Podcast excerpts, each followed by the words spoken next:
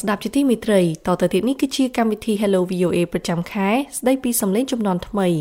នៅទីត្រីនេះយើងខ្ញុំអញ្ជើញកញ្ញារីមនីសវណ្ញាស្ថាបនិកនិងជាប្រធានគម្រោងសិល្បៈនិងសុខភាពផ្លូវចិត្តជីវក្មិនកញ្ញានឹងពិភាក្សាប្រធានបទអំពីការប្រើសិល្បៈដើម្បីជួយដល់សុខភាពផ្លូវចិត្តចាតទៅទៀតនេះសូមលោកអ្នកនាងស្ដាប់កម្មវិធី Hello VOA រវាងកញ្ញាកាន់វិជ្ជការដែលជាអ្នកសម្របសម្រួលកម្មវិធីនៅរាត្រីនេះជាមួយនឹងកញ្ញារីមនីសវណ្ណាដូចតទៅ ចាសសូមជម្រាបសួរលោកអ្នកនាងដែលកំពុងតាមដានស្ដាប់កម្មវិធី Hello VOA សំឡេងចំនួនថ្មីដែលមាននាងខ្ញុំកាន់វិជ្ជការជាអ្នកសម្របសម្រួលនៅរាជធានីភ្នំពេញនារីត្រីថ្ងៃច័ន្ទនេះកម្មវិធី Hello VOA សំឡេងចំនួនថ្មីជជែកលើប្រធានបទការប្រើសិល្បៈដើម្បីជួយសុខភាពផ្លូវចិត្តដែលមានវាគ្មិនរបស់យើងគឺកញ្ញារីម៉ូនីសុវណ្ណយ៉ាស្ថាបនិកនិងជាប្រធានគម្រោងសិល្បៈនិងសុខភាពផ្លូវចិត្តចាសសូមជម្រាបសួរកញ្ញារីម៉ូនីសុវណ្ណយ៉ាចាជំរាបសួរអ្នកស្រី ចាអរគុណសម្រាប់ការអញ្ជើញចូលរួមកិច្ចពិភាក្សាក្នុងកម្មវិធី Hello VOA សំឡេងចំនួនថ្មីចាជាដំបូងនាងខ្ញុំសូមឲ្យកញ្ញាណែនាំខ្លួនបន្ថែមពាក់ព័ន្ធទៅនឹងការងាររបស់កញ្ញាផ្ទាល់ហើយនឹងមូលហេតុដែលកញ្ញាឈានចូលនៅក្នុងសកម្មភាពពាក់ព័ន្ធទៅនឹងសិល្បៈនិងបញ្ហាផ្លូវចិត្តនេះចាចាជាដំបូងអរគុណច្រើនខ្ញុំឈ្មោះ ពិតរីមនីសវណ្ណយ៉ាប៉ុន្តែក៏អាចហៅខ្ញុំបានថាហ្វីយ៉ាហើយបច្ចុប្បន្នហ្នឹងខ្ញុំគឺជាសិល្បករឯករាជ្យក៏ដូចជាជា creative designer ហើយក៏ជាស្ថាបនិកនិងក៏ជាអ្នកដឹកនាំគម្រោងដែលមានឈ្មោះថាសិល្បៈនិងសុខភាពផ្លូវចិត្តហើយបើសួរថាមូលហេតុអីបានឲ្យខ្ញុំឈានចូលទៅដល់សកម្មភាពពាក់ព័ន្ធនឹងសិល្បៈនិងសុខភាពផ្លូវចិត្តហ្នឹងខ្ញុំអាចឆ្លើយថាដោយសារតែខ្ញុំមានជំនាញសិល្បៈខ្ញុំខ្ញុំរៀនបញ្ចប់ ថ្នាក់សិក្សានៅសាលាហ្វាពលឺសិល្បៈខេត្តបាត់ដំបងអញ្ចឹងណាអញ្ចឹងខ្ញុំមានជំនាញសិល្បៈហើយខ្ញុំមើលឃើញថាបច្ចុប្បន្ននេះនៅក្នុងប្រទេសកម្ពុជារបស់យើងប្រធានបទសុខភាពផ្លូវចិត្តមិនទាន់ជាបើកចំហជាទលំទលាយនៅក្នុងការជជែកគ្នានៅឡើយទេជាក់ស្ដែងខ្ញុំក៏ធ្លាប់បានជួបជាមួយនឹងរឿងទាំងអស់នេះផ្ទាល់ខ្ញុំមិនតាន់ជាដំបូងនេះខ្ញុំមិន តាន់ជាអ្នកជំងឺសុខភាពផ្លូវចិត្តអីទេគ្រាន់ថាខ្ញុំមានបញ្ហាគេអត់លក់ខ្ញុំពិបាកគេអីចឹងណាដល់ពេលហើយខ្ញុំក៏ទៅ pharmacy ទិញថ្នាំអីចឹងក៏គេឲ្យថ្នាំដូចថាជំនួយស្មារតីឬក៏ជំនួយខួរក្បាលយើងឲ្យយើងរៀងដូចថារៀងមានអារម្មណ៍ល្អជាងមុនហើយឆាប់បានគេអញ្ចឹងទៅ ទៅក៏មិត្តភ័ក្ដិខ្ញុំនឹងក៏គាត់ពេលដែលគាត់ដឹងរឿងហ្នឹងក៏គាត់និយាយថាអូហ្វីយ៉ាញ៉ាំថ្នាំប្រស័យប្រសាទ អញ្ចឹងអឺអាពាក្យទាំងអស់ហ្នឹងក៏វាបានប៉ះទង្គិចផ្លូវចិត្តរបស់ខ្ញុំដែរធ្វើឲ្យខ្ញុំគិតថាជុំអឺខ្ញុំមានខ្ញុំគឺជាអ្នកជំងឺផ្លូវចិត្តមែនដែរឬក៏អត់ខ្ញុំនឹងប្រស័យប្រសាទមែនដែរឬក៏អត់អីចឹងប៉ុន្តែអំឡុងពេលដែលខ្ញុំកំពុងតែគិតបែបហ្នឹងគឺខ្ញុំមិនដឹងថាត្រូវទៅពិភាក្សាជាមួយអ្នកណាគេទេហើយខ្ញុំក៏ចាប់ផ្ដើមលេងហ៊ាននិយាយរឿងទាំងអស់ហ្នឹងប្រាប់អ្នកដតីទៀតដោយសារតែខ្លាចខ្លាចគេហ្នឹងគិតថាខ្លួនឯងជាអ្នកជំងឺផ្លូវចិត្ត កាន់តែខ្លាំងឡើងជាងមុនអីចឹងណាអញ្ចឹងខ្ញុំចាប់ផ្ដើមលាក់វាប៉ុន្តែដល់ពេលមួយហ្នឹងបានធ្វើឲ្យខ្ញុំអឺកាន់តែគិតថាហេតុអីបានបានវាបែបហ្នឹងហេតុអីបានខ្ញុំគ្មានឱកាសឬក៏គ្មានសិទ្ធិនៅក្នុងការនិយាយវាចេញមកអីចឹងទៅក៏ខ្ញុំមើលឃើញថាខ្ញុំមានជំនាញសិល្បៈហើយតាមរយៈការស្រាវជ្រាវរបស់ខ្ញុំទៀតធ្វើឲ្យឃើញថាតាមរយៈសិល្បៈហ្នឹងយើងអាច ប្រើប្រាស់សិល្បៈហ្នឹងគឺជាមធ្យោបាយមួយនៅក្នុងការនិយាយអំពីសុខភាពផ្លូវចិត្តដែលអាចធ្វើឲ្យសុខភាពផ្លូវចិត្តហ្នឹងវាទលំទលាយជាងមុននៅក្នុងសង្គមរបស់យើងកុំឲ្យយើងមានការដូចថាមានភាពភ័យខ្លាចនៅក្នុងការនិយាយពីប្រធានបទហ្នឹងមកអញ្ចឹងណាចា អរគុណច្រើនកញ្ញាសវណ្ណយ៉ា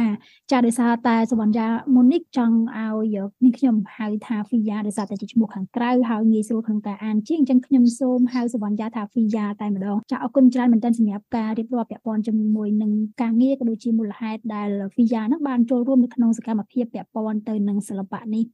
ចាលោកនាងជាទីមេត្រីបញ្ហាផ្លូវចិត្តនៅតែជាប្រធានបទដែលត្រូវបានប្រជាពលរដ្ឋជាពិសេសយុវជនយកមកជជែកនិងស្វែងយល់បន្ថែមបន្ទាប់ពីមានមនុស្សមួយចំនួនត្រូវបានអ្នកជំនាញអះអាងថាកំពុងប្រឈមនឹងបញ្ហាផ្លូវចិត្តហើយមួយចំនួនទៀតក៏ត្រូវបានអះអាងថាបានធ្វើអត្តឃាតដោយសារបញ្ហាផ្លូវចិត្តជាដើមហើយថ្មីថ្មីនេះយើងឃើញថាអ្នកជំនាញមួយចំនួនគឺពួកគាត់បានប្រើប្រាស់សិល្បៈធ្វើជាវិធីមួយក្នុងការព្យាបាលផ្លូវចិត្តដែលក្នុងនោះក៏មានហ្វីយ៉ាម្នាក់ផងដែរចង់ដឹងលម្អិតថាតើអ្វីទៅជាសិល្បៈដែលផ្សារភ្ជាប់នឹងបញ្ហាផ្លូវចិត្តហើយតើសិល្បៈអាចជួយបញ្ហាសុខភាពផ្លូវចិត្តបានដោយរបៀបណាសូមអញ្ជើញវាគ្មិនគឺកញ្ញាហ្វីយ៉ាបកស្រាយចាសសូមអញ្ជើញចាចាអរគុណច្រើនមែនទែនមែនទែនដូចដែលយើងបានដឹងហើយថាសិល្បៈគឺមានច្រើនទម្រង់មានតាំងពីទម្រង់បុរាណទម្រង់សាសម័យហើយនៅក្នុងនឹងទៀតក៏យើងមានជាច្រើនផ្នែកទៀតដូចជាការរាំការច្រៀងការសម្ដែងក៏ដូចជាការគូគំនូអីជាដើមអញ្ចឹង សិល្បៈសិល្បៈហ្នឹងគឺគឺនៅក្នុងគ្រប់ទម្រង់ហ្នឹងគឺសិតតែអាច entertain គឺសិតតែអាចកំសាន្តអារម្មណ៍របស់មនុស្សយើងគ្រប់គ្នានឹងឯងអញ្ចឹងណាហើយតកតងជាមួយនឹងថាតើថាទម្រង់សិល្បៈប្រភេទណាដែលអាចទៅទៅប្រើសម្រាប់បញ្ហាផ្លូវចិត្តរបៀបណាហ្នឹងគឺវាស្ថិតនៅក្នុងភាពស៊ីជម្រៅនៃជំងឺផ្លូវចិត្តរបស់យើងទៀតអញ្ចឹងណាដូចជាយើងក៏ ប្រហែលជាអ្នកមួយចំនួនហ្នឹងក៏បានដឹងហើយគេហៅថា art therapy ហ្នឹងចាអញ្ចឹងគឺគេមានច្រើនទម្រង់វាអាស្រ័យទៅតាមអឺអ្នកជំនាញខាងសុខភាពផ្លូវចិត្តនិងខាងអ្នកព្យាបាលពីគ្រោះហ្នឹងគាត់នឹងសិក្សាបន្ថែមទៀតទៅលើអ្នកជំងឺឬក៏អ្នកដែលមានបញ្ហាសុខភាពផ្លូវចិត្តនឹងចឹងណាចាហើយកន្លែងនេះខ្ញុំសូមបើកវងកញ្ចក់ បន្តិចដែរតកតងជាមួយនឹងគម្រោងសិល្បៈនិងសុខភាពផ្លូវចិត្តរបស់ខ្ញុំគឺគឺយើងមាន platform គឺយើងមានជាការគឺជាទម្រង់មួយថាគម្រោងរបស់យើងគឺជាកន្លែងមួយដែលអាចផ្សារភ្ជាប់រវាងអ្នកដែលមានអឺវិបត្តិឬក៏មានបញ្ហាសុខភាពផ្លូវចិត្តហ្នឹងទៅកាន់អ្នកជំនាញចាគម្រោងរបស់យើងហ្នឹងគឺ គឺជាកន្លែងមួយដែលនឹងបញ្ជ្រាបចំណេះដឹងក៏ជាដូចជាថាជា basic ឬក៏ជា tip ជាគន្លឹះនៅក្នុងការបញ្ជ្រាបឲ្យប្រជាជនរបស់យើងហ្នឹងគាត់គាត់យល់ថាអូខេបញ្ហាសុខភាពផ្លូវចិត្តហ្នឹងគឺជាអីហើយធ្វើយ៉ាងណាឲ្យពួកគាត់ស្គាល់ពីគន្លឹះមួយចំនួនជាជាដូចថាមូលដ្ឋានគ្រឹះធ្វើយ៉ាងណាឲ្យគាត់មានសុខភាពផ្លូវចិត្តប្រសើរឡើងអីចឹងណាប៉ុន្តែបើថាគាត់ ជាអ្នកដែលមានជំងឺ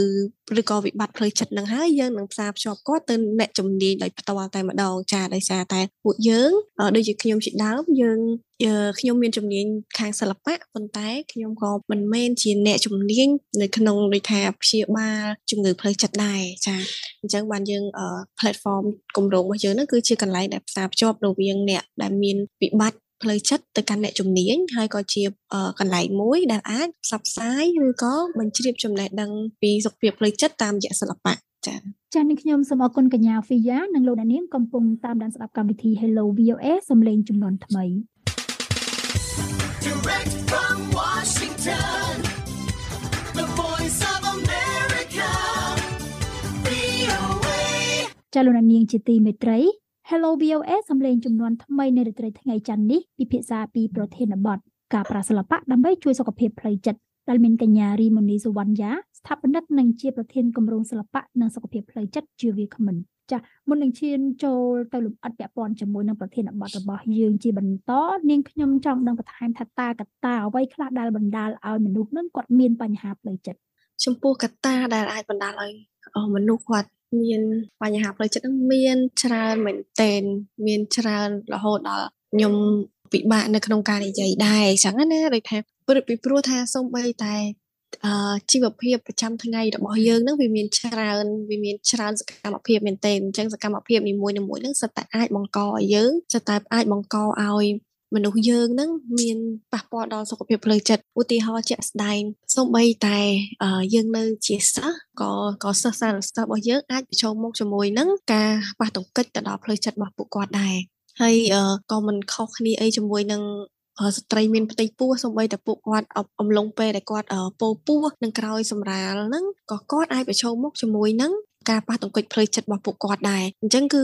វាមានច្រើនស្ថានភាពមែនទែនដែលអាចដែលអាចធ្វើឲ្យយើងប៉ះទង្គិចផ្លូវចិត្តរបស់យើងហ្នឹងណាចា៎ អរគុណច្រើនហ្វីយ៉ាមុននេះហ្វីយ៉ាក៏បានលើកឡើងពាក់ព័ន្ធជាមួយនឹងទម្រង់សិល្បៈមួយចំនួនដែលអាចយកមកប្រើប្រាស់ដើម្បីជួយទៅដល់បញ្ហាផ្លូវចិត្តក្នុងនោះហ្វីយ៉ាបានលើកឡើងពាក់ព័ន្ធជាមួយនឹងការច្រៀងចម្រៀងនិងការគូររូបអីជាដើមហ្វីយ៉ាអាចបន្ថែមតិចទៀតបានអត់ថាតើទម្រង់សិល្បៈមានអ្វីខ្លះទៀតដែលខុសពីអ្វីដែលហ្វីយ៉ាបានលើកឡើងហ្នឹងដែលអាចយកមកប្រើដើម្បីជួយដល់បញ្ហាផ្លូវចិត្តឬមួយក៏យើងមើលឃើញថាឲ្យតែពាក្យថាសិល្បៈគឺសុទ្ធតែអាចយកមកប្រើដើម្បីជួយដល់បញ្ហាផ្លូវចិត្ត កន្លែងនេះក៏ប៉ិតនៅក្នុងគ្រប់ទម្រង់សិល្បៈទាំងអស់ហ្នឹងគឺសិតតែអាចចូលរួមជួយទៅដល់សុខភាពផ្លូវចិត្តប៉ុន្តែនៅកន្លែងនេះវាអាស្រ័យទៅលើថាសិល្បករឬក៏ជាអ្នកដំឡើងស្នាដៃសិល្បៈហ្នឹងគឺជាអ្នកកំណត់វិញថាគាត់អាចនឹងគាត់ចង់បញ្ជ្រាបវាក្នុងការព្យាបាលឬក៏ចូលរួមជួយដល់សុខភាពផ្លូវចិត្តហ្នឹងដោយរបៀបណាឬក៏មិនចូលរួមតែម្ដងពីព្រោះនៅក្នុងទម្រង់សិល្បៈមួយចំនួនហ្នឹង សិល្បករឬក៏ជាអ្នកដំឡើងស្នាដៃផ្សេងផ្សេងហ្នឹងគឺពួកគាត់បង្កើតវាឡើងធ្វើឲ្យមានភាព អវិជ្ជមានមកវិញជាមួយនឹងផ្លូវចិត្តចឹងណាចាអញ្ចឹងបើសិនជាយើងនិយាយពីទម្រង់វិញទាំងទម្រង់បុរាណទាំងទម្រង់សម័យទាំងទម្រង់សហសម័យគឺសិតតែអាចកំសាន្តអារម្មណ៍ទោះបីជាមិនដោយផ្ទាល់ប៉ុន្តែគេហៅថាដូចដោយប្រយោលអញ្ចឹងណាដូចឧទាហរណ៍ថាអ្នកជំងឺឬក៏អ្នកដែលមានវិបត្តិសុខភាពផ្លូវចិត្តហ្នឹងគាត់អាចស្ដាប់ចម្រៀងអញ្ចឹងសូម្បីតែចម្រៀងហ្នឹងក៏អាចកំសាន្តអារម្មណ៍អ្នកស្ដាប់នឹងបានដែរឲ្យពួកគាត់នឹងមានអារម្មណ៍បែបណាមានអារម្មណ៍ជ្រះស្រឡះជាងមុនមានអារម្មណ៍ថាអូខេគាត់ដោះស្រាយបញ្ហាមួយចំនួនបានហើយឬក៏អីចឹងទៅអញ្ចឹងគឺអាចថាជួយដោយប្រយោលមិនមិនដោយផ្ទាល់ទេអញ្ចឹងណាអញ្ចឹងបានត្រឡប់មកវិញគឺនៅក្នុងគ្រប់ទម្រង់ទាំងអស់គឺវាអាស្រ័យទៅតាមថាសិល្បករឬក៏អ្នកដំឡើងស្នាដៃសិល្បៈនោះមានគោលបំណងបែបណាចង់ចូលរួមជួយទៅដល់អ្នកដែលមានវិបត្តិផ្លូវចិត្តដែរឬក៏អត់គាត់បង្កើតឡើងនៅក្នុងទម្រង់ជាវិជ្ជមានឬក៏អវិជ្ជមាន ចាពាក់ព័ន្ធជាមួយនឹងសិល្បៈវិញតើហេតុអ្វីបានជាសិល្បៈហ្នឹងមានទំនាក់ទំនងឬក៏យកមកប្រើដើម្បីដោះស្រាយបញ្ហាផ្លូវចិត្តបានមានន័យថាតើមានអ្វីពិសេសឬក៏យ៉ាងម៉េចវិញចាពាក្យថាសិល្បៈមួយសម្រាប់ខ្ញុំ ខ្ញុំឲ្យនិយមន័យសិល្បៈផ្សេងសិល្បៈបើសិនជាយើងសួរមនុស្ស10នាក់ខ្ញុំគិតថានិយមន័យដែលចេញពីពួកគាត់គឺមាន10គឺខុសគ្នាទាំងអស់ប៉ុន្តែសម្រាប់ខ្ញុំខ្ញុំជឿថាសិល្បៈគឺជាការផ្សារភ្ជាប់គឺជាការផ្សារភ្ជាប់រវាងមនុស្សនិងមនុស្សរវាងមនុស្សនិងសត្វរវាងមនុស្សនិងធម្មជាតិរវាងមនុស្សនិងសុខភាពផ្លូវចិត្តរវាងសង្គមនិងសង្គមអីជាដើមអញ្ចឹងហើយខ្ញុំជឿថាសិល្បៈហ្នឹងវាវាគឺជាដូចថាជារូបភាពមួយ គឺជាសម្លេងមួយ គឺជាការបង្កើតជាការចងចាំមួយទៅដល់ទស្សនិកជនអញ្ចឹងការផ្សារភ្ជាប់ហ្នឹងគឺដូចដែលខ្ញុំបានលើកឡើងជាមួយនឹងសំណួរចម្លើយមុនខាងខាងលើអញ្ចឹងគឺដោយប្រយោលអញ្ចឹងកន្លែងនេះ វាមានដោយប្រយោលនិងដោយមិនប្រយោលហ្នឹងត្រង់ថាគម្រោងឧទាហរណ៍ថាគម្រោងរបស់ខ្ញុំហ្នឹងខ្ញុំបានបញ្ចូលសកម្មភាពមួយតាក់ទងនឹងការគូគំនូអញ្ចឹងសកម្មភាពមួយហ្នឹងខ្ញុំដាក់ឈ្មោះថា art expression គឺខ្ញុំអនុញ្ញាតឲ្យអ្នកចូលរួមហ្នឹងគាត់មកដល់កម្មវិធីរបស់ខ្ញុំគាត់អាចមានក្រដាសមានប៊ិចមានជក់មានពណ៌ហើយគាត់អាចស្ដាប់ចម្រៀងឬក៏អាច គាត់អាចមើលទៅផ្ទាំងគំនូរដតីទៀតគាត់អាចភ្លក់រសជាតិគាត់ភ្លក់រសជាតិហ្នឹងគឺចង់បានថាពេលហ្នឹងខ្ញុំដាក់មានដូចជាអំបិលស្ករគ្រាប់កាហ្វេក៏ដូចជាក្រូចឆ្មាអញ្ចឹងអ្នកចូលរួមគាត់អាចភ្លក់រសជាតិទាំងអស់ហ្នឹងគាត់អាចស្ដាប់ចម្រៀងគាត់អាចមើលទៅកាន់រូបគំនូរហើយគាត់អាចបញ្ចេញអារម្មណ៍របស់គាត់ហ្នឹងទៅទៅទៅលើกระดาษមួយផ្ទាំងដែលគាត់ចង់គូហ្នឹងនៅពេលដែលឧទាហរណ៍ថានៅពេលដែលគាត់ភ្លក់រសជាតិផ្អែម តើគាត់មានអារម្មណ៍បែបណាគាត់គាត់ស្ថានភាពផ្លូវចិត្តរបស់គាត់អារម្មណ៍របស់គាត់នឹងបែបណាអញ្ចឹงគាត់អាចគូវាទៅលើกระดาษនឹងបានមិនប្រកាសថាគាត់ជាអ្នកដែលចេះគូគំនូរឬក៏មិនចេះទេប៉ុន្តែគឺគាត់អាចបញ្ចេញអារម្មណ៍របស់គាត់បានហើយបើសិនជាគាត់មើលទៅលើស្នាដៃសិល្បៈផ្ទាំងគំនូរដទៃទៀតគាត់មានអារម្មណ៍បែបណាគឺគាត់អាចគូអារម្មណ៍របស់គាត់នឹងទៅលើក្រដាស់បានអញ្ចឹងអានេះហើយដែលខ្ញុំចង់សម្ដៅទៅលើការសិល្បៈជួយដល់ផ្លូវចិត្តហ្នឹងដោយផ្ទាល់មានន័យថា គាត់អាចបញ្ចេញអារម្មណ៍ខ្លួនឯងគឺគឺខ្ញុំចង់ឲ្យគាត់បានដឹងថាវាមិនមែនតែប៉ុណ្្នឹងទេតែបើបើសិនជាគាត់មានបញ្ហាផ្លូវចិត្តឬក៏គាត់មានការចង់និយាយអីពីពីពីបញ្ហារបស់គាត់ប៉ុន្តែគាត់ពិបាកស្វែងរកក្នុងការអ្នកមកស្ដាប់គាត់អញ្ចឹងគឺគាត់អាចបញ្ចេញអារម្មណ៍របស់គាត់ទៅលើกระดาษមួយផ្ទាំងនឹងបាន គាត់អាចគូបានគាត់អាចប្រើពណ៌លេងពណ៌លេងអីបានទាំងអស់ហ្នឹងអញ្ចឹងអាហ្នឹងខ្ញុំគាត់ថាវាដោយផ្ទាល់ដែរដែលគាត់អាចប៉ះกระดาษហ្នឹងបានដោយផ្ទាល់អីចឹងណាប៉ុន្តែមួយទៀតដោយប្រយោលហ្នឹងគឺឧទាហរណ៍ថាគាត់ស្ដាប់ចម្រៀងអញ្ចឹងអាការស្ដាប់ចម្រៀងហ្នឹងហើយគឺបានវាបានព្យាបាលដោយត្រង់កម្រិតណាគឺគាត់ស្ដាប់បទបែប លងលោចគាត់នឹងមានអារម្មណ៍ថាអូខេគាត់បានប្រសើរហើយឬក៏គាត់កាន់តែពិបាកចិត្តថែមឬក៏អីអញ្ចឹងអាហ្នឹងឯងវានឹងនឹងផ្សារភ្ជាប់រវាងសិល្បៈនិងផ្លូវចិត្តនឹងដោយប្រយោជន៍ចា៎ចាអរគុណហ្វីយ៉ាចលនានេះកំពុងតាមដានស្ដាប់កម្មវិធី Hello VOA សំឡេងចំនួនថ្មី Direct from Washington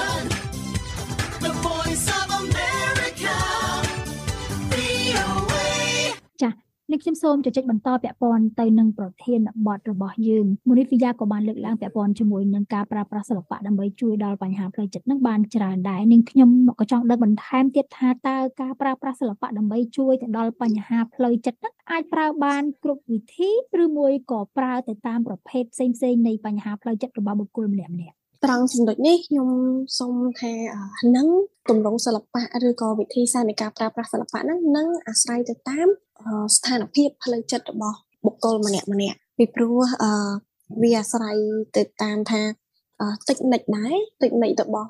psychologist របស់អ្នកដែលគាត់មានជំនាញនៅក្នុងការព្យាបាលឬក៏ផ្សះផ្សាផ្លូវចិត្តហ្នឹងគាត់ចង់ប្រើវិទ្យាបាយឬក៏តិចនិចមួយណានៅក្នុងការព្យាបាលអ្នកជំងឺរបស់គាត់អញ្ចឹងបើសិនជាអ្នកគាត់គាត់ត្រូវសិក្សាទៅទៀតចឹងណាអញ្ចឹងបើសិនជាអ្នកជំងឺរបស់គាត់ស្ថិតនៅក្នុងស្ថានភាពមិនមិនសូវជាប៉ះពាល់ខ្លាំងទេគាត់ត្រឹមតែគាត់ចង់ ធ្វើឲ្យសុខភាពផ្លូវចិត្តរបស់គាត់ប្រសើរជាងមុនទោះបីជាគាត់អត់ទាន់ជាអ្នកជំងឺក៏ដោយអញ្ចឹងសិល្បៈគឺគេនឹងប្រើសិល្បៈទម្រង់បែបកំសាន្តអញ្ចឹងណាដូចជា platform ដូចជាការដែលខ្ញុំ គម្រោងរបស់ខ្ញុំបង្កើតឡើងអញ្ចឹងអញ្ចឹងវាគឺជា platform មួយសម្រាប់អ្នកដែលមិនទាន់ជាជាអ្នកជំងឺទេគឺយើងដើម្បីកំសាន្តអារម្មណ៍របស់បុគ្គលម្នាក់ម្នាក់តែប៉ុណ្្នឹងឯងចាអញ្ចឹងបើសិនជាអ្នកជំងឺគាត់មានស្ថានភាពផ្សេងផ្សេងគឺគេនឹងត្រូវប្រើមធ្យោបាយផ្សេងផ្សេងទៀតចាអរគុណហ្វីយ៉ាហ្វីយ៉ាបានលើកឡើងពាក់ព័ន្ធជាមួយនឹងគម្រោងរបស់ហ្វីយ៉ាជាបន្តបន្ទាប់ ថាមានអ្នកដែលគាត់ចូលរួមអីជាដើមនេះខ្ញុំចង់ដឹងថារហូតមកដល់ពេលនេះតើមានប្រជាពលរដ្ឋយើងឬមួយក៏អ្នកគាត់ព្យាយាមស្វែងរកការប្រើប្រាស់សិល្បៈដើម្បីជួយសម្រួលទៅដល់បញ្ហាផ្លូវចិត្តហ្នឹងតើមានច្រើនទេរហូតមកដល់ពេលនេះចាតាមរយៈគម្រោងសិល្បៈនិងសុខភាពផ្លូវចិត្តរបស់ខ្ញុំហ្នឹងកើតឡើងនៅដើមឆ្នាំ2022នេះទេប៉ុន្តែអ្នកដែល ចូលរួមជាមួយនឹងសកម្មភាពរបស់យើងទាំងកម្មវិធីដោយផ្ទាល់ហើយនឹងក៏ការកិច្ចសហការអីហ្នឹងគឺចូលបាន200នាក់អឺខ្ទង់ខ្ទង់នឹងអញ្ចឹងណានៅចន្លោះ200នាក់ហ្នឹងជាការដែលចូលរួមមិនគាត់មិនមែនថា100សេវាព្យាបាលសុខភាពផ្លូវចិត្តទេប៉ុន្តែមានន័យថាគាត់បានចូលរួមសកម្មភាពរបស់យើងខ្ទង់ចន្លោះនឹងឯងពី180នាក់ទៅដល់250នាក់ហើយចាចាពាក់ព័ន្ធជាមួយនឹងប្រជាជនយើងវិញ តើប្រជាជនអាចអនុវត្តសិល្បៈពាក់ព័ន្ធនឹងផ្លូវចិត្តដោយខ្លួនឯងនេះដោយរបៀបណាដែរស៊ីអាតាមបទពិសោធន៍របស់ខ្លួនខ្ញុំផ្ទាល់ហ្នឹងគឺប្រជាជនរបស់យើងគាត់អាចអនុវត្តវិធីសាស្ត្រសិល្បៈដើម្បីព្យាបាលឬក៏ដើម្បីកំសាន្តអារម្មណ៍របស់គាត់នឹងតាមរយៈការគូគំនូក៏បានដែរព្រោះដោយសារតែការគូគំនូនឹងគឺវាវាសាមញ្ញគាត់គ្រាន់តែអាចនិយាយថាចាប់ផ្ដើមជាមួយនឹងមានកណ្ដាស់មកផ្ទាំងមានកម្ដៅដៃមានបិច អីហ្នឹងក៏គាត់អាចបញ្ចេញអារម្មណ៍របស់ខ្លួនឯងគាត់អាចចាប់តាមគូវានៅលើกระดาษហ្នឹងដោយខ្លួនឯងបានដែរអញ្ចឹងអាហ្នឹងក៏ជាសកម្មភាពសិល្បៈមួយដែលអាចឲ្យគាត់កំសាន្តអារម្មណ៍ខ្លួនឯងហើយវាអាចជាការចងចាំវាក៏អាចជារូបភាពមួយដែលអាចឲ្យគាត់បានដឹងថាគាត់មានអឺ space គាត់មានកន្លែងមួយដែលគាត់អាចបញ្ចេញអារម្មណ៍បានអញ្ចឹងណាចា ចុះសម្រាប់អ្នកដែលគាត់មានចំណាប់អារម្មណ៍ចង់អនុវត្តឬក៏ចង់សិក្សាបន្ថែមពាក់ព័ន្ធទៅនឹងសិល្បៈហើយនឹងបញ្ហាផ្លូវចិត្តវិញតើពួកគាត់អាចនឹងស្វែងរកឯកសារឬមួយក៏ក្រុមណាខ្លះដែរទេ ចាដោយសារតែគម្រោងរបស់យើងសិល្បៈនិងសុខភាពផ្លូវចិត្តហ្នឹងគឺបានដូចថាមានដៃគូសហការជាមួយនឹងស្ថាប័នឯកជនដោយផ្ទាល់ដែលពួកគាត់ធ្វើការតាក់ទងជាមួយនឹងសុខភាពផ្លូវចិត្តគាត់មានជាសេវាមើលថែឬក៏សេវាពិគ្រោះយោបល់អីចឹងណាអញ្ចឹងបើសិនជាប្រជាជនយើងបើសិនជាអ្នកណាគាត់ចង់ទទួលបានការពិភាក្សាឬក៏ចង់ស្វែងយល់បន្ថែមពីសិល្បៈគឺគាត់អាចស្វែងរកដោយ ដោយនៅលើតាមប្រព័ន្ធអ៊ីនធឺណិតលើ Facebook page ឈ្មោះថាសិល្បៈនិងសុខភាពផ្លូវចិត្តឬក៏ Art and Mental Health អញ្ចឹងគាត់អាចចូលទៅមើលសកម្មភាពរបស់ពួកយើងនៅលើ Facebook page របស់យើងហើយគាត់អាច reach out មកពួកយើងតាមរយៈ Messenger បានពេលនោះយើងនឹងជជែកជាមួយគាត់ថាតើគាត់ចង់ ស្វែងយល់ពីទម្រង់សិល្បៈដែរឬក៏អត់ឬក៏គាត់មានគាត់ចង់គាត់មានបំណងចង់ពិគ្រោះទៅលើផ្លូវចិត្តរបស់គាត់តតែម្ដងឬក៏យ៉ាងណាអញ្ចឹងយើងនឹងផ្សារភ្ជាប់គាត់ទៅជាមួយនឹងអ្នកជំនាញផ្លូវចិត្តចាអញ្ចឹងបើត្រឡប់មកឲ្យខ្លីគឺគាត់អាចស្វែងរកសេវាទាំងអស់ហ្នឹងទៅតាម Facebook page របស់យើងដែលមានឈ្មោះថា Art Mental Health ចាពាក់ព័ន្ធជាមួយនឹងគេហៅថាការប្រើប្រាស់សិល្បៈដើម្បីជួយសម្រួលឬក៏គេហៅថាបន្ធូរបន្ថយនៅបញ្ហាផ្លូវចិត្តអីជាដើមពីយ៉ាអាច បញ្ជាក់បន្តិចថែមបានទេថាតើបើសិនជាមិនមានការប្រើសិល្បៈដើម្បីជួយសម្រួលទៅដល់បញ្ហាផ្លូវចិត្តទេតើប្រជាពលរដ្ឋយើងគាត់អាចនឹងមានបញ្ហាប្រឈមអីខ្លះដែរបើសិនជាយើងអត់ប្រើប្រាស់សិល្បៈប្រជាជនរបស់យើងក៏ជាមួយនឹងផ្លូវចិត្តហ្នឹងគឺគាត់នៅតែប្រឈមមុខដដែលនឹងឯងតែគ្រាន់ថាបើសិនជាយើងមានសិល្បៈទៅអាការកាត់បន្ថយអឺ ភាគរយនៅក្នុងការឲ្យគាត់ជួបប្រទេសហ្នឹងវាបានប្រសើរជាងមុននៃចឹងទៅពីព្រោះវាសិល្បៈហ្នឹងវាចាប់ផ្ដើមតាំងពីដំណាក់កាលដំបូងម្លេះមានន័យថាគឺផ្ដល់ជាសឹងតែថាជាការកំសាន្តបែបជា tip បែបជាកលឹះឲ្យវិជាជនរបស់យើងហ្នឹងគាត់គាត់បានបទូអារម្មណ៍ហើយអញ្ចឹងបើសិនជាអត់មានសិល្បៈទេវិជាជនរបស់យើងគាត់អាចនឹងប្រឈមមុខច្រើនជាមួយនឹងការជួបនឹងវិបត្តិសុខភាពផ្លូវចិត្តនឹងអញ្ចឹងណាចា៎ ចាជាចុងក្រោយតើកញ្ញាមានអ្វីជាការបន្ថែមពាក់ព័ន្ធនឹងប្រធានបទរបស់យើងជាចុងក្រោយខ្ញុំមានតែជាការសំណូមពរឲ្យទៅដល់ប្រជាជនរបស់យើងទាំងអស់គ្នាហ្នឹងចាប់ផ្ដើមបើកចិត្តឲ្យទូលាយនៅក្នុងការជជែកគ្នាអំពីប្រធានបទសុខភាពផ្លូវចិត្តពីព្រោះសុខភាពផ្លូវចិត្តគឺជាគឺជារឿងមួយដែលសំខាន់ ឲ្យពួកយើងថែទាំខ្លួនឯងឲ្យពួកយើងអាចអភិវឌ្ឍខ្លួនឯងអំឡុងពេលបច្ចុប្បន្នក៏ដូចជាទៅអនាគតបានអញ្ចឹងហើយកុំមានចិត្តចង្អៀតចង្អល់ពីព្រោះថាអ្នកដែលស្វែងរកសេវាសុខភាពផ្លូវចិត្តមិនបាននៃពួកគាត់គឺជាអ្នកជំងឺសុខភាពផ្លូវចិត្តទេចា៎អ្នកខ្ញុំសូមអរគុណកញ្ញារីមនីសុវណ្ណយាថាបនិកនិងជាប្រធានគម្រោងសិល្បៈនិងសុខភាពផ្លូវចិត្តដែលបានបកស្រាយយ៉ាងក្បោះក្បាយក្នុងកម្មវិធី Hello VOA សម្លេងចំនួនថ្មីពាក់ព័ន្ធនឹងជនបទការប្រាសិល្បៈដើម្បីជួយសុខភាពផ្លូវចិត្តនិងខ្ញុំក៏សូមអរគុណប្រិយមិត្តអ្នកតាមដានស្ដាប់ទាំងអស់ហើយបើមានកំហុសឆ្គងដោយអចេតនាណាមួយនាងខ្ញុំនិងវាគ្មិនសូមខន្តីអភ័យទោសពីប្រិយមិត្តសម្រាប់ពេលនេះនាងខ្ញុំនិងវាគ្មិនសូមអរគុណនិងសូមជម្រាបលា